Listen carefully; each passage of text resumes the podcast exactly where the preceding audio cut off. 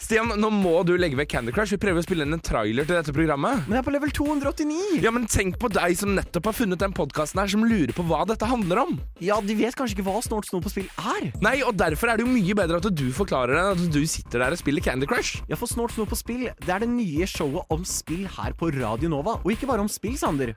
Det handler også om snort snop. Selvfølgelig! For hva komber bedre enn Snort Snop og spill? Ingenting passer bedre enn snort snop på spill. Og her får du anmeldelser, du får prat om de nyeste spillene, du får det nyeste og ferskeste av Spillnytt, og ikke minst så rangerer vi våre snopfavoritter. Selvfølgelig, det blir både positive nyheter, negative nyheter, og det er spennende for deg som er litt nysgjerrig på verdenen av spill, og også du som kan en del fra før av.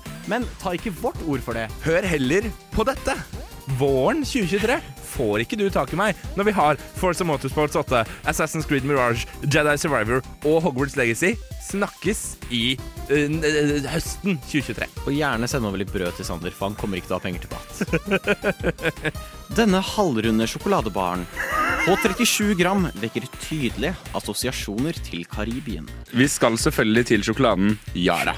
Ja, Yara. Men eh, hvis du er Ubisoft, eh, så skal vi til Cuba. Helt riktig.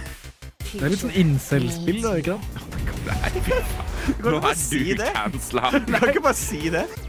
Er liksom, det er litt det samme som å spise liksom svinekjøtt med pølse.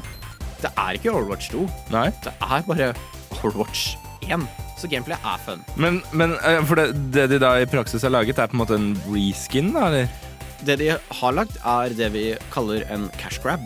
Har du lyst på noen ting i dette spillet, Sander? Ja. Bla opp. Snort, snop og spill. Du hører oss annenhver lørdag på Radio Nova.